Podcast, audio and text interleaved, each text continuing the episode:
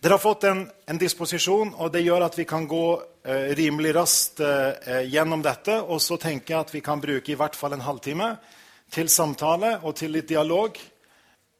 La meg begynne med en uh, utrolig interessant bok som uh, jeg leser for tida. Uh, en bok som jeg akkurat viste til Leif nå i pausen. boken 'Leserne'. Underoverskrift 1800-tallets folkevekkelse og det moderne gjennombrudd. Den er da egentlig på svensk. Nå oversetter jeg til dere for deres, eh, til glede for dere. Leserne av 1800-tallets folkevekkelse og det moderne gjennombruddet. Det er altså en beskrivelse av hva er i et kulturhistorisk, litteraturhistorisk og mediehistorisk perspektiv hvordan var vekkelsesbevegelsene i Sverige da, men også med et nordisk blikk? Og hvilken samfunnsvirkning hadde de? Vi går rett inn tilbake til det som Leif eh, tangerte i forhold til vekkelseshistorien og bevegelsens betydning. Jeg må si det er kanskje ikke så veldig mye nytt i det store bildet, men det er altså så oppmuntrende å lese hvordan Guds ord har formet og preget samfunnet. Og det var ofte ikke veldig mange som fant sammen. Men det var noen få som fant sammen, bygget nettverk og trodde på Guds ord, Guds hellige ånd. Trodde på at det var mulig å gjøre noe. Og Noen ganger så, så, er det akkurat som om vi mister litt den troen i vår tid. Det er så mange mørke skyer, så mister vi. Det kan være det var enda mørkere før vekkelsesbevegelsen på 1800-tallet enn det er i dag. Så vi må ikke miste perspektivene heller. Gud har ikke gitt opp sitt folk. Gud har ikke gitt opp sin verden. Og vi står i en fantastisk fin sammenheng. Og vi er kalt til å dele evangeliet i vår tid. Det betyr ikke at vi skal glemme fortiden. Det betyr at vi er nødt til å spørre hva er, fort, hva er samtiden vår? Hva betyr det å dele evangeliet i dag? Og La meg knytte an til det første som står på arket deres, nemlig et sitat fra forordet til den viktige erklæringen som kom etter Lausanne 3-kongressen i Cape Town i 2010. Dere kjenner sikkert alle sammen Lausanne-bevegelsen, som ble skapt ikke minst av Billy Graham og John Stott på 70-tallet. Eh, den første store kongressen i Lausanne 74, den andre store kongressen i Manila i 89 og nå den tredje store i Cape Town i 2010. Lausanne-pakten har hatt veldig stor betydning. Og Cape Town-erklæringen bør alle dere få unne dere for å si det sånn, til å, å lese og arbeide med. Er, en trenger ikke være enig i alle enkelte detaljer, men det er en fantastisk tone i det om Guds kjærlighet og om kallet som står foran oss som kristne. Og så er det at De to topplederne internasjonalt, Dog Birdsall og Lindsey Brown og i parentes var Lindsey Brown tidligere generalsekretær i, i eh, studentlaget internasjonalt i verden, og en som er veldig glad i Norden og Skandinavia. Eh, de skriver følgende Hva var hensikten med Cape Town-kongressen? Jo, sitat, å gi en ny utfordring til den globale kirken om å bære vitnesbyrd om Jesus Kristus og alt han lærte. La oss stanse et øyeblikk der. Altså, her er det, Hva er oppgaven? Jo, det har med det personlige å gjøre. Å bære vitnesbyrd og dele hvordan vi har erfart Jesus Kristus og alt han lærte. Så den personlige dimensjonen står sentralt. Men det står også noe annet sentralt. Å bære vitnesbyrd er jo omtrent som i en rettssak. I en rettssal. Du legger frem et vitnesbyrd. Du legger frem et perspektiv. sant? Mye av dette året vil jo være preget av, av rettssaken i kjølvannet av 22. juli. ikke? Der rettssalsituasjonen vil prege norske medier og internasjonale medier. Og Da vil vitnesbyrdene være veldig sentrale.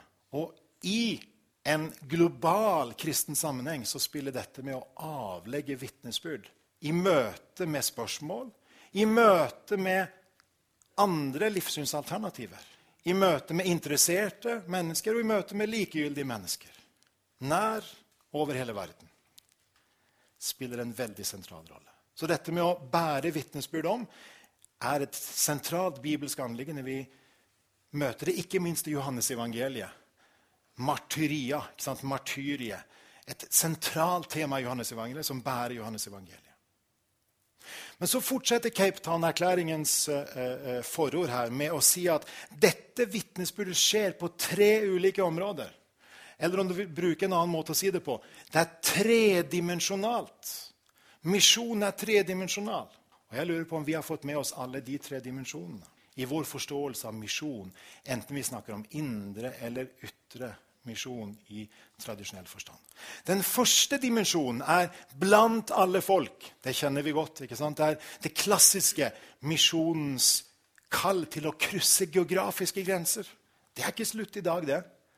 Eh, det var et, et, et privilegium for Margunn og jeg. Vi var på Madagaskar nå like før jul og fikk lov til å, å se litt hva norsk misjon har betydd blant andre folkeslag. La oss ikke glemme det. Det er høyst aktuelt. Vi hørte om Kia her. ikke sant? Folkeslagene kommer til oss i Vesten. Vi må ikke glemme den dimensjonen heller. Men det andre som står i, i alle deler av samfunnet, altså avlegge vitnesbyrd om hvem Jesus er, og hva han lærte, i alle deler av samfunnet. Ja, det vil si at vi er kalt til å være vitner i ulike yrkessfærer, i ulike relasjonssfærer i ulike samfunnsområder. Og Da kommer vi tilbake til hvorfor f.eks. en høyskole er sentral. Bare for å ta ett eksempel. Og så for det tredje og på ideenes område. Altså på det området der menneskers tanke blir formet. I dag blir de formet i mediene, ikke sant, ikke minst. I og av mediene. Vi kommer tilbake til det.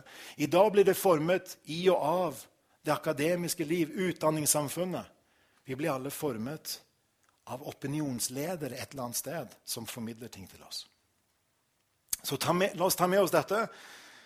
Misjon i tredimensjonal forstand er blant alle folkeslag, på alle samfunnets felt og områder og deler, og på ideenes område.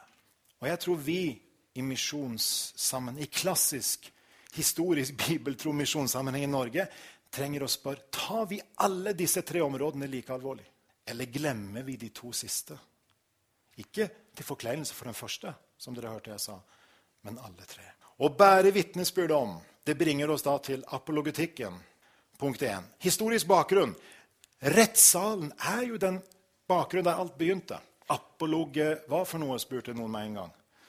Apologetikk. Det kommer fra ordet apologia. Det er da gresk, og det betyr forsvar, simpelthen. Og Da er vi tilbake til antikkens rettssal, til rettssalsituasjonen. Noen kom med en anklage, kategorier, og så hadde en rett til å svare med en apologia. Sånn var det simpelthen. Det var en rett en hadde. Retten til å svare når en ble anklaget. simpelthen. Og så ble dette ikke bare en teknisk, juridisk term, men den vokste til å bli en, en term som beskrev enhver som så avlegger sitt vitnesbyrd, om du vil, eller begrunner sin tro, begrunner sitt ståsted. Slik at Vi må ikke tenke sånn at dette bare er om kristen tro. Men ethvert livssyn har sine trosforsvarere. Ethvert livssyn har sin apologetikk. Det vil si at vi møter altså ikke eh, sånn at, at, det er bare kristne som forsvarer sin tro, eller, eller bør begrunne sin tro.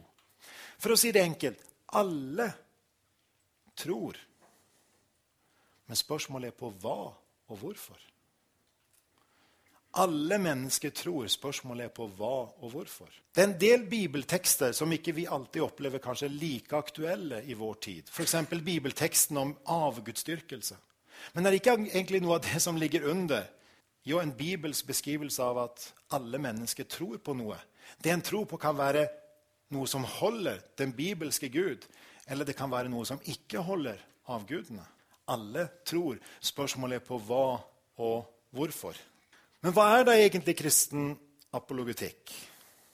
Jeg lurer på om det var uh, den herværende IMF-ungmedarbeideren Kjetil Fyllingen som på sin blogg skrev ordet 'trosbegrunnelser'. Jeg tror ikke du fant et sted, gjorde du det? Jeg tror du brukte, satte, satte det begrepet selv. Det var et veldig godt begrep. Trosbegrunnelser. Det er simpelthen det det dreier seg om. Å gi en begrunnelse for sin tro eller avlegge vitnesbyrd om det en tror på. Og da gjør en det fordi en møter noe spesielt. Og det en møter, er da én av fire ting. En møter spørsmål om kristen tro.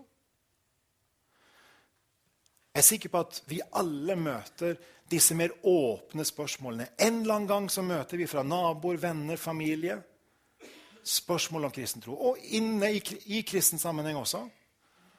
Og Vi kommer litt tilbake til hvordan vi møter dette. Men, men dette er på en måte for å forstå hva det er. For det andre så møter vi innvendinger. Jeg er sikker på at dere alle har møtt innvendinger som f.eks.: Hvordan kan Gud være god når? Eller Jesus kan vel ikke være eneste vei til frelse? Kan han det? Altså, det er klart, Slike innvendinger møter vi sikkert veldig ofte hvis vi ferdes blant mennesker som ikke bare liksom aksepterer alt. Og gjør vi det, noen av oss egentlig hele, hele tiden, hele veien, er det ikke sånn at vi også bærer på spørsmål? At vi også møter ting inni oss som livet reiser av spørsmål? Så spørsmålene kan jo komme både utenfra og innenfra.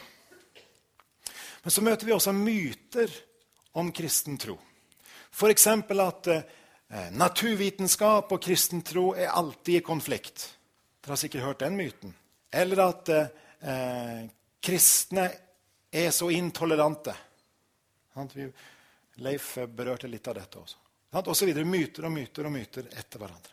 Og I dagens pluralistiske, i dagens livssynsmangfoldsamfunn så møter vi veldig mange ulike stemmer. Igjen kommer vi tilbake til dette. Nå åpner vi bare på en måte litt perspektivene her et øyeblikk. Og Så er det interessant å gå til Nytestamentet av mange grunner.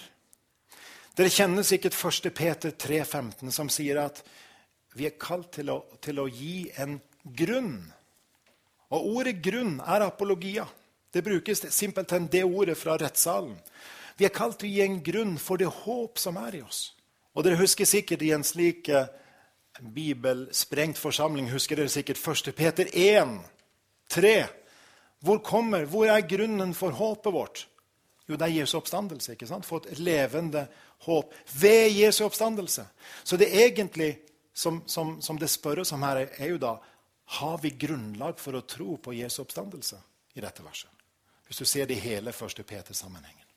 Det er interessant at både her og i Johannes evangeliet så er det rettssalsammenhengen. Det er den juridiske terminologien. Sant? Det er bruken av det, det begrepsverdenen. Og det er ikke primært bilder fra krig og slagfelt og kamp. De bildene finnes. Andre kor ti kjenner dere godt. Sant? Vi har ikke, altså Våre våpen er, er fra Gud, ikke fra mennesker osv. Tankebygninger som er å, vi er kalt til å kjempe ned. Men det er faktisk et av de få stedene i Nytestamentet som snakker om det apologetiske, det tankemessige forsvaret, og bruker bilder fra slagfeltet, kamp militært. Og Det sier meg noe at vi er ikke kalt til å slå mennesker i hodet med argumenter. Men vi er kalt til å legge frem det vi er overbevist om. Vi er kalt til å dele det vi er overbevist om, det vi har fått fra Guds ord. Kalt til å bære vitnesbyrd om Jesus Kristus og alt han lærte. Så kunne vi gått videre og gått igjennom f.eks. dette dobbeltverket, Lukas evangeliet, apostelgjerningene. Du husker sikkert hvordan Lukas begynner. Kjære Teofilos. Hvorfor skriver han? For å vise hvor troverdig det er. I apostelgjerningene 1 samme sak dukker opp.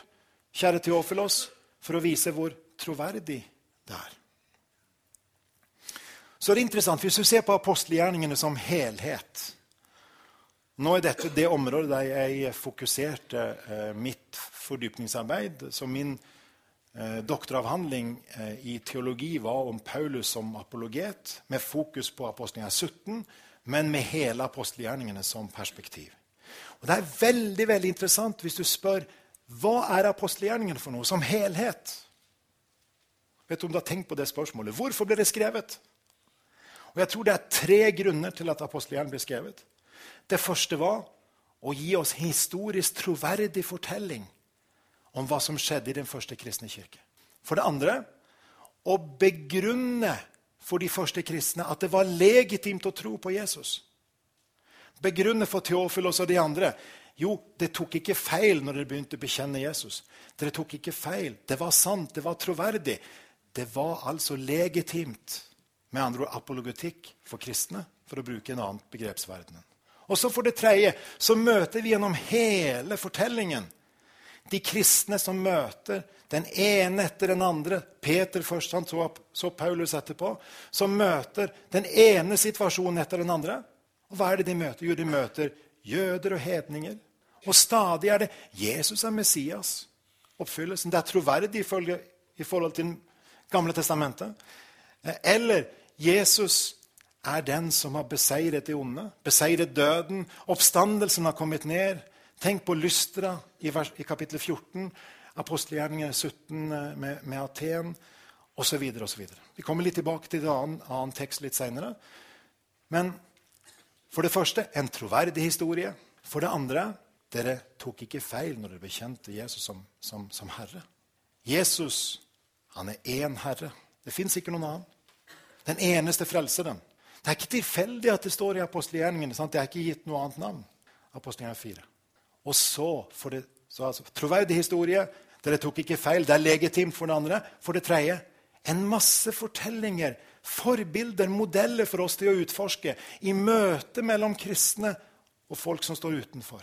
Det er ikke bare én modell, det er jo mange modeller. Vi må ikke på en måte si at det er bare én måte å gjøre det på. Det er mangfoldet. Og så kan vi få lov til å utforske dette og Hvis en begynner å grave i dette, så er det fantastisk rikt hvor mye som ligger i dette. Jeg nevnte Johannes-evangeliet. Dere husker eh, kanskje at Johannes taler om, eller Jesus taler om i Johannes-evangeliet om vitnene som vitner om han. Det gamle testamentet vitner om han, hans gjerninger vitner om han, hans ord vitner om han, disiplene selv vitner om han. Vitnesbyrdene. Og hele Johannes-evangeliet kan forstås som et helhetlig vitnesbyrd inn i den himmelske rettssaken mellom Gud og den onde, om du vil. Men så er det noe vi må ta med oss videre før vi går inn i, i hvorfor kristen apologetikk er nødvendig i vår samtid. Det er at det er viktig at vi ikke blander tingene her. Som kristne så må ikke vi tro at vi har makt til å overbevise andre mennesker på det indre plan med våre argumenter. Den indre overbevisningen skapes bare ved Den hellige ånd. Men det går an å levere et begrunnelse for noe. Altså å påvise noe er forskjellig fra å vite noe på det indre plan. Det er to forskjellige ting. det. Men tilbake til vekkelsen sant, på 1800-tallet. En av de tingene som denne litteraturhistorikeren og mediehistorikeren peker på, er at dette var en tid når Gud som skaper ble sett på som selvsagt. Har du tenkt på forskjellen mellom 1800-tallets vekkelser og vår tid? Grunnlagsmaterialet var der. En hadde på en måte en respekt for Bibelen som Guds ord. Og en hadde en forankring i at Gud var nok der som skaper. Unntatt de eliten som da hadde lytta til opplysningstida og den franske revolusjonen osv. Og, så og forkasta på en måte den delen. Ellers var folk flest tenkte nok at uh, det med Gud er ok, men det betyr ikke så mye i mitt liv. Så har vi et annet. Vi må på en måte gå tilbake et par steg i dag. Ofte. For vi må også møte mange mennesker som der Gud ikke er en opplagt realitet, i hvert fall. Det bringer oss til hvorfor er kristen apologitikk nødvendig i vår samtid. Jeg har lyst til å peke på fire utfordringer her. Og jeg håper at dere også spør dere selv hva betyr det for dere i deres hverdag i IMFs store og rike arbeid rundt forbi. Enten det er på den ene eller andre arenaen. Jeg kan antyde noe, så håper jeg vi får litt tid til å ha en liten dialog eh, før vi tar lunsj rundt disse tingene. Den første utfordringen er at vi jo lever i et mediesamfunn. Vi lever i en nyhets- og underholdningsmedienes tid. Det betyr at du og jeg møter veldig mange verdioppfatninger. Altså hva er rett og galt, hva er godt og dårlig? Og veldig mange syn på mennesket, ikke minst, som utfordrer oss som kristne. Og tenk på at her er det slik at unge mennesker, altså våre barn, ungdommer, vokser opp i denne medievirkeligheten. De vokser opp med fjernsynet, med dataspill, med nettet, med mobil. altså Vi bare får antyde no, noe som, som, gir retningen på dette. Hvordan skal vi forholde oss til mediesamfunnets utfordringer?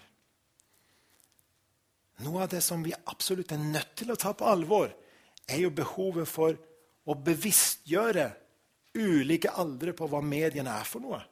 Altså mediebevisstgjøring. Og også mediekritikk. At vi som voksne heller ikke tar nyheter for gitt. En liten parentes. Dette er absolutt ikke det viktigste, men, men, men jeg vet ikke Det er jo sånn når en har roller ikke sant, som er halvoffentlige, i hvert fall, eh, så blir jeg av og til intervjuer om saker og ting. Og der av og til møter jeg velmenende kristne etterpå som sier å ja, du har vært ute i mediene. Det er jo ikke sånn det fungerer. sant? Mediene tar kontakt med oss som regel. Noen ganger kan det godt være at en skriver noe, ikke sant? men altså, dere skjønner poenget. Altså, vi må forstå dynamikken. Når du ser et oppslag, hva har den som har blitt intervjua, hva har den personen ansvar for? Ikke bildet, ikke tittelen, ikke ingressen, men det vi faktisk har sagt, har vi ansvar for. Dette er jo bare en liten del av det hele. Men vi må lære oss til å forstå mediedynamikken. At ingenting er nøytralt. Alt har et perspektiv, alt har et ståsted. Vi bærer med oss dette, alle sammen. Alle har en tro. Spørsmålet er på hva og hvorfor.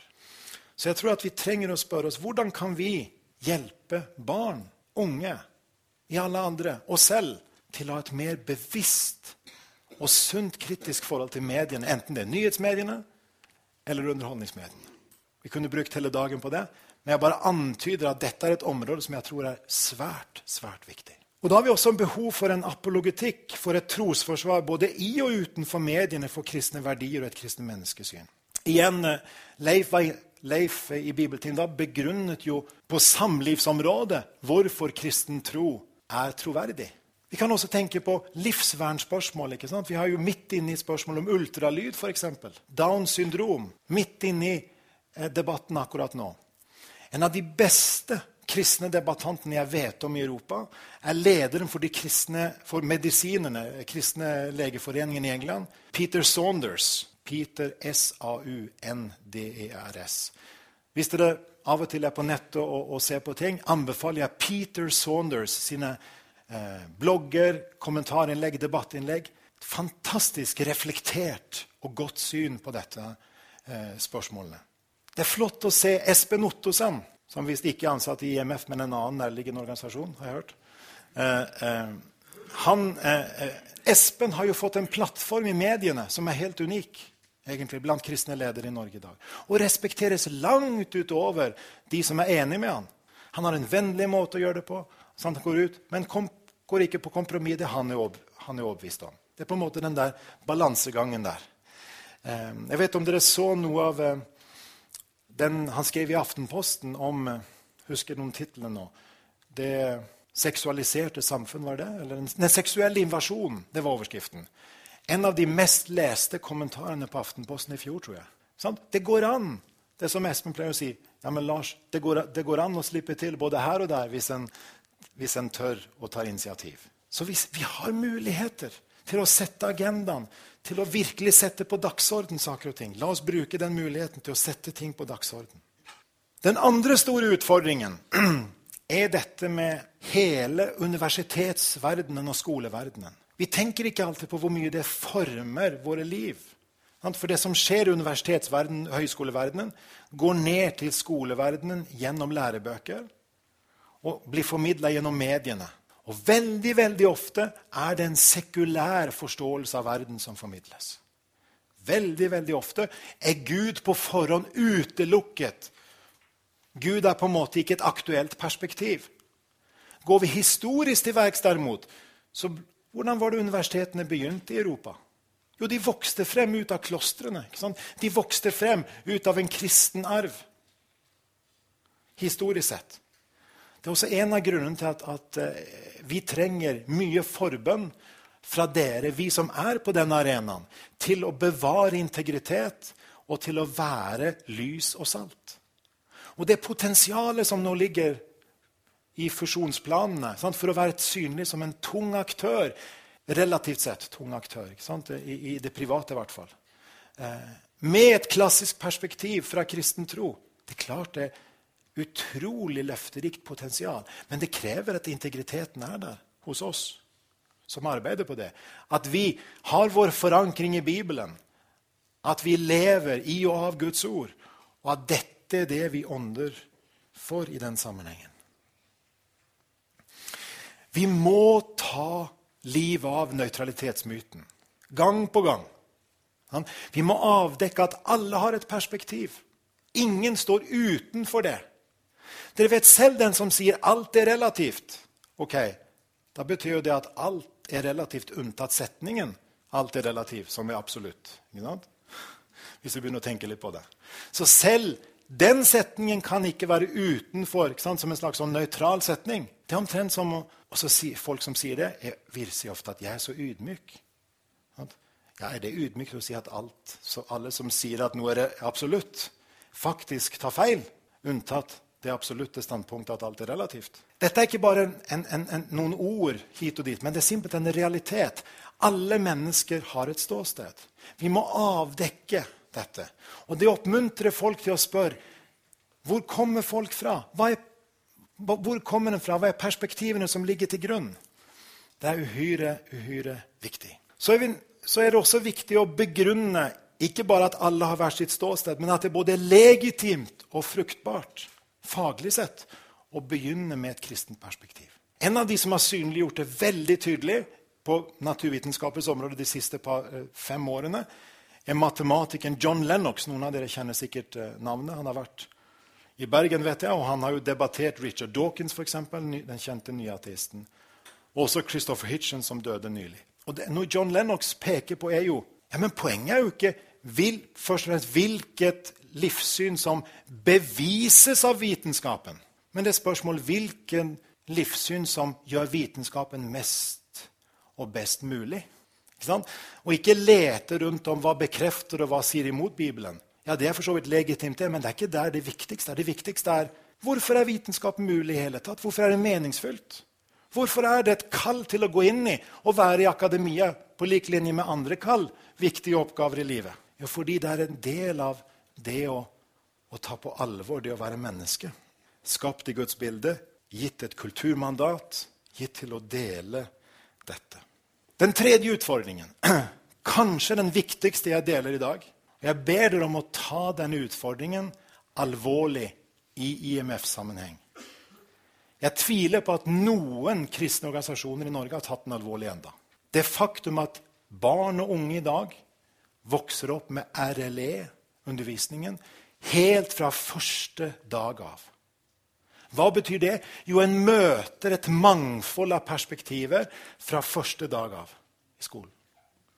Det vil si at barn vet mye om Sokrates, vet mye om antikkens filosofer, om etiske teorier og ulike livssyn, og ikke så mye om det bibelske og det kristne etter hvert.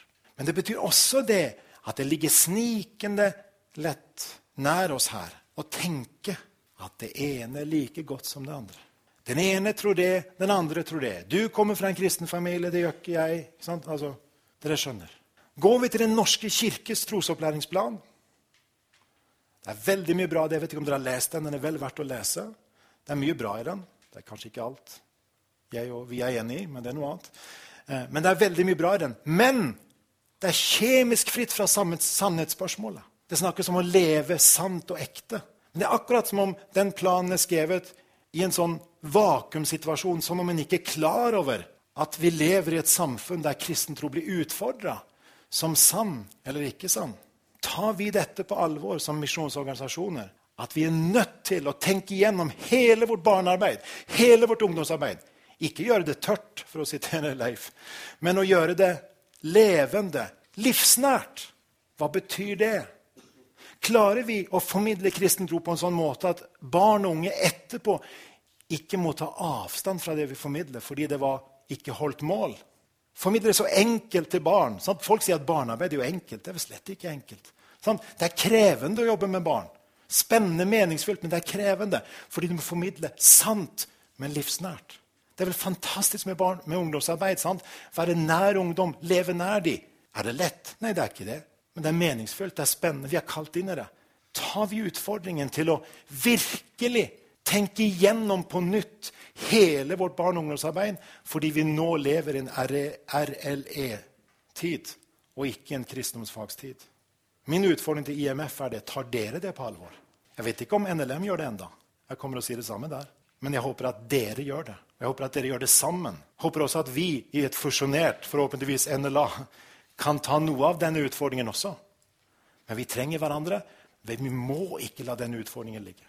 For det det kan føre til i neste omgang, det er det som vi bl.a. ser i statistikken nå fra ungdom rundt om i verden. Det er skremmende statistikk fra USA.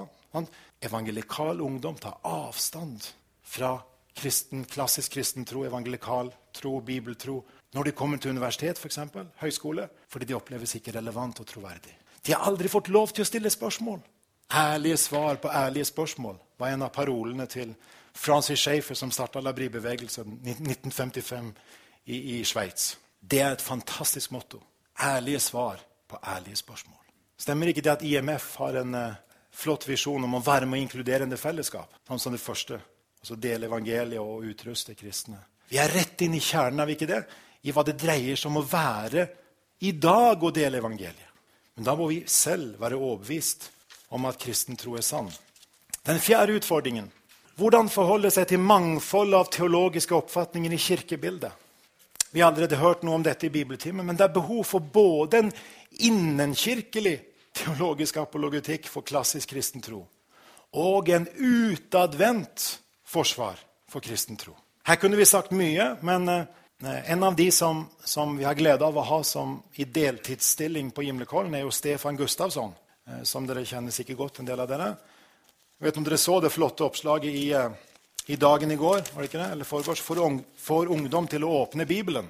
Et dobbeltoppslag om, om apologetikk eh, og apologetikkens betydning. Veldig flott oppslag. Eh, og det som særpreger en sånn person som, som en god venn og kollega som Stefan her, er at han vektlegger behovet for å begrunne hvorfor det bibelske perspektivet er rett. Både på det indre planet i kirkelig sammenheng og på det, på det ytre samfunnsplanet.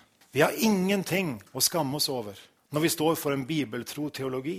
Vi må stå og tørre å stå i stormen, men vi må stå med en vennlighet, som Leif vektla, og med en begrunnelse. For i vår tid etterspør folk også hvorfor, og ikke bare. Og Det bringer oss da til hvordan bør kristen apologetikk utøves i vår samtid. Og Da har jeg lyst til å ta med dere til apostelgjerningene 26 for å forankre det vi sier her, i et, i et bibelavsnitt som er veldig, veldig lærerikt. Jeg er sikker på at dere kjenner det godt fra før. Paulus har fått mulighet til å dele kristen tro med kong Agrippa. Kapittel 26, vers 1 i apostelgjerningen. Agrippa sa til Paulus du har tillatelse til å legge frem din sak. Paulus hevet hånden og begynte forsvarstalen sin. Det er en flott uttrykk. Og Så kommer det et helt kapittel han beskriver. Så plutselig blir han avbrutt. Hva er det som gjør at Paulus blir avbrutt? Hva er, de, hva er det, den som avbryter Paulus, reagerer på? Jo, det er oppstandelsen. Det er så urimelig at noen står opp. Det er menneskelig sett helt utenkelig at noen står opp fra de døde. La oss lese da fra fra vers 22, eh, avslutningen. Men til denne dag har Gud hjulpet meg, så jeg har vitnet. Legg merke til det. Jeg har vitnet. ok, Martyreo. Altså bevitnet det hele. Eh, for høy og lav. Og jeg har ikke sagt noe annet enn det profeten og Messias sa skulle hende. Altså sammenhengen Gamle testamentet, Nytestamentet. At Messias skulle lide, og at han som den første skulle stå opp fra de døde og forkynne lyset både for sitt eget folk og for hedningefolkene. Fantastisk uttrykk. ikke sant? Fantastisk vers. det er. Men så kommer Festus da og sier Da han kom til dette punktet i forsvarstalen, ropte Festus høyt. Du er fra sans og samling, Paulus. All lærdommen din driver deg fra forstanden. Det er for så vidt, det er ikke sikkert alle av oss har fått den innvendingen. at all lærdom driver oss fra forstanden. Men det var innvendingen som Paulus møtte her. Altså, du er gæren. Du er jo helt utenfor det som er rimelig menneskelig. La oss tenke litt her. Hvordan ville vi svart på det? Ville vi sagt da nei, Guds ord taler slik, og vi er overbevist om at Guds ord taler rett? Det ville vært et riktig svar teologisk, men det er ikke sikkert arenaen for det svaret ville vært der og da. Vi kunne sagt ja, vi kan si ja, jeg tror at Bibelen sier det. jeg tror at Bibelen er Guds ord. Men la meg også gi en begrunnelse for hvorfor det er troverdig. Og Det er det Paulus gjør her. Og Så skal vi se på ledd for ledd hva er det han sier for noe.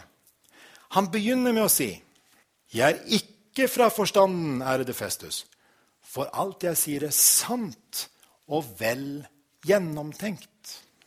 Det vil si at Paulus har brukt tid på å reflektere igjennom det han skal formidle. Paulus har brukt tid på å sikre at det han formidler, er vel reflektert. I lys av Bibelen, med bønn om Den hellige ånds opplysning, be om at han skal få reflektere gjennom dette. Vi kan altså med troverdighet, frimodighet, stå frem og si at det gir mening å tro på Bibelen. Hvordan, Hvis vi skulle saklig sett her sett på hvorfor er det mulig å si at oppstandelsen er sann og vel gjennomtenkt? Ja, En måte å si det på er jo da å si at ja, men gitt at det finnes en Gud som har skapt himmel og jord, er ikke han mektig til å reise opp sin egen sønn fra de døde? Gir ikke det mening, gitt at Gud finnes, og Gud er den han er? Er ikke det da logisk ut fra det perspektivet at Gud kan gjøre det? Og Legg merke til hva Nytestamentet bruker for ord. Det bruker som regel ikke ordet at Jesus sto opp, men det bruker at han ble reist opp. Han ble oppvekket. Det kan se Gang på gang så er det de ordene som brukes, fordi det vektlegges Guds handling.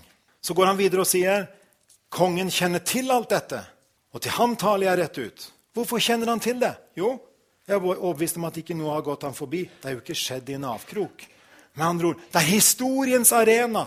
Det har skjedd i historien. Det har skjedd i en space and time, som Francis Schaefer så ofte vekla i dette spørsmålet. Det har skjedd i tid og rom. Gud har blitt menneske. Julens mysterium, inkarnasjonens mysterium. Jesu liv, død og oppstandelse. Det finnes øyenvitner. Tenk på hva Peter skriver i et av brevene. Sant? Det var ikke fabler og eventyr, men vi var øyenvitner. Tenk på Johannes, hva han skriver i Johannes' første brev. Det våre øyne så, det våre hender tok på. Det er det vi snakker om. Så her er det altså ikke bare et indre, fornuftig, logisk samsvar. Det er også et ytre samsvar. En begivenhetene svarer til det som sies om begivenhetene. Fakta taler for kristen tro. Men ikke bare det. Han fortsetter. Tror du på profetene, kong Agrippa? Jeg vet at du tror. Med andre ord, Det er en sammenheng mellom Gamle testament og Nytestamentet. En sammenheng mellom profeti og oppfyllelse mellom hele det bildet som tegnes av Messias, og Jesu liv, død og oppstandelse. Og så er det interessant at Paulus han ikke bare svarer på spørsmål, han stiller spørsmål. Tror du på profetene? Og Det finner vi som et gjennomgående trekk gjennom hele Bibelen. Det ikke bare stilles spørsmål. Det ikke bare svares på spørsmål, det stilles også spørsmål. Og Jeg tror vi er, kan være gode til å svare på spørsmål, men det er ikke alltid vi er like gode til å stille spørsmål. Kanskje trenger vi bli enda flinkere å stille spørsmål til andre mennesker om hva de tror på. I vennskapsrelasjoner, i familierelasjoner. Stille spørsmålet hva tror du på? Hva betyr mye for deg? Så det er det bilde av, ikke sant, av, eh, Jeg liker det bildet av, av, av, dette med hva er tro for noe? Jo, tro går på det å lene seg mot noe. Sant? Og stole på noe, ha tillit til noe. Det er akkurat som du, du setter det på en stol, og du er sikker på at den stolen holder. Det er bærekraft i det du tror på. Og vi trenger noe å tro på som er bærekraftig nok til å bære hele våre liv, inkludert vår død. Finnes det noe annet enn troen på Jesus som kan bære hele vårt liv, inkludert vår død? Ja, vi tror ikke det. Vi vet jo at det ikke finnes noe annet. Tror du på profetene? Og så sier Agrippa det er like før du blir, får overtalt meg til å bli en kristen. Med andre ord, vi merker her en tro på, en overbevisning om at evangeliet kan forandre og forvandle menneskers liv. Kort sagt, når vi sier at evangeliet om Jesus er sant, hva betyr det? Jo, det betyr at det er sant fordi det gir mening. Det er sant fordi det er ytre sett faktaene taler for det. Og det er sant fordi det forandrer og forvandler menneskers liv. Og På bakgrunn av det vi har sagt nå, for å avrunde før vi tar en liten runde med, med, med dialog Vi trenger to slags apologetikk i vår samtid. Akkurat slik som apostelgjerningen var skrevet. Vi trenger både det vi kan kalle en pre-evangeliserende apologetikk. Altså å gi mennesker vi møter, grunner for å våge troens sprang. Vi trenger å gi mennesker de gode grunnene for å tørre troens sprang. Jeg tror det er mange mennesker som lever med ensomhet, f.eks. i Norge. da. Vi vet at det er et svært problem. Mange mennesker som lever med utfordringer i møte med sorg, savn. Er vi der med spørsmål? Er vi der i en dialog og samtale der mennesker er? Og er vi i offentligheten og setter dagsorden at det gis gode grunner for å våge troens sprang i møte med Jesus Kristus? Og så det vi kan kalle den etterevangeliserende eller postevangeliserende apologetikk. Vi må gi gode grunner for hvorfor det er legitimt å tro på én Gud og én Herre. Paulus taler om det. Vi tror, bekjenner én Gud, og vi bekjenner én Herre. Det er ikke mange guder og mange herrer. Det er én Gud og én Herre. Og det er legitimt, det er sant å tro på én Gud og én Herre. Og i lys av dette så blir det relevant å slutte med sitatet av Francis Schaefer. Jeg er bare interessert i en apologetikk som leder i to retninger.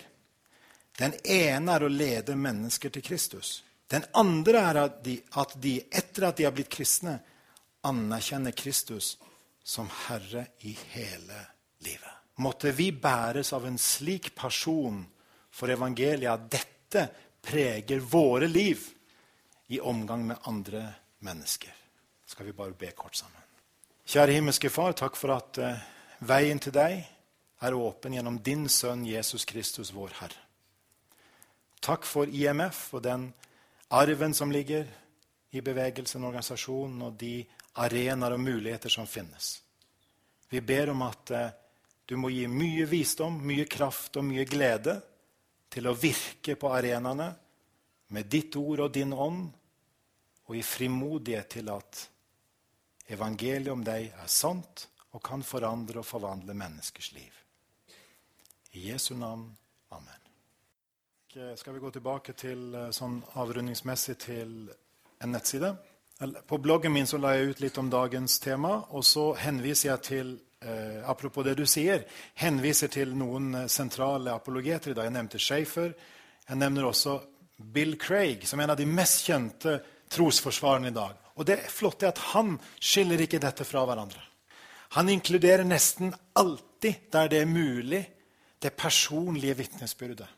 Og han sitter der med to doktorgrader, en fra England og en fra Tyskland, og er blytung akademisk, sant, for å si det sånn, men er ydmyk i møte med Gud og mennesker samtidig, og sier noe om at eh, Den hellige ånds vitnesbyrd har gitt meg indre visshet, som vi skal få lov til å oppmuntre hverandre, holde fast på så her er det som du sier, det er ikke et enten-eller, men det er et både-og. Men la oss, når vi holder fast på det, allikevel huske en ting. At når vi avlegger vårt vitnesbyrd, så er det også andre i et pluralistisk samfunn livssyns, som avlegger sine vitnesbyrd. Og for å avgjøre sannheten mellom vitnesbyrdene så er vi nødt til å ha noe annet enn vår eget vitnesbyrd som målestokk. Ikke fordi ikke vårt vitnesbyrd er viktig, det er uhyre viktig og avgjørende viktig, men fordi vi trenger noe utenfor oss selv. Og da trenger vi det bibelske ord som retningslinje for det. Men vi trenger også på en måte en realitetsorientering. Og Det er det som noe av apologetikkens styrke er. det Løfte blikket vårt når det er sunt. Løfte blikket vårt til å spørre ja, men hva er egentlig sant her. Hva er det som gir mening egentlig? Hva er det som egentlig stemmer overens med fakta? Hva er det som egentlig forandrer og forvandler menneskers liv? Og eh, La meg også si at Ravi Zakarias, eh, en indisk, amerikansk-kanadisk evangelist og apologet, som er en fantastisk eh, formidler og Jeg lenker her til nettsider og sånn, hvis dere har lyst til å gå litt videre på det. Eh, igjen integrerer vitnesbyrdet, for å bruke ditt ord, vitnen og advokaten, på en veldig fin måte. Og Det er sånn vi må gjøre det. Det må ikke skilles fra hverandre. Det må være en helhet, en nærhet. For det er sånn det er i det bibelske vitnesbyrd. Og det er sånn det må være hos oss. Helt til slutt Jeg tror at det er avgjørende viktig at du og jeg selv tør å møte vår egen tvil våre egne spørsmål. At vi ikke skygger unna på en måte, for det som vi sliter med hos oss. Og så er det faktisk fantastisk å vite at Jesu oppstandelse er et fast og urokkelig anker for hele livet, også i møte med døden. Og Hvis dere har lyst til å lese litt om det, med litt personlig vri på det, kan dere gå til om det er siste mars på, på min blogg, der det står noe som heter 'Den faste punkten'. Dere kan lese mer om det selv. Det faste punktet på norsk. Så Gud velsigne dere i arbeidet. Jeg nok, dukker nok opp litt i forbindelse med min kjære kone over lunsj, men alt godt for arbeidet i IMF. Takk.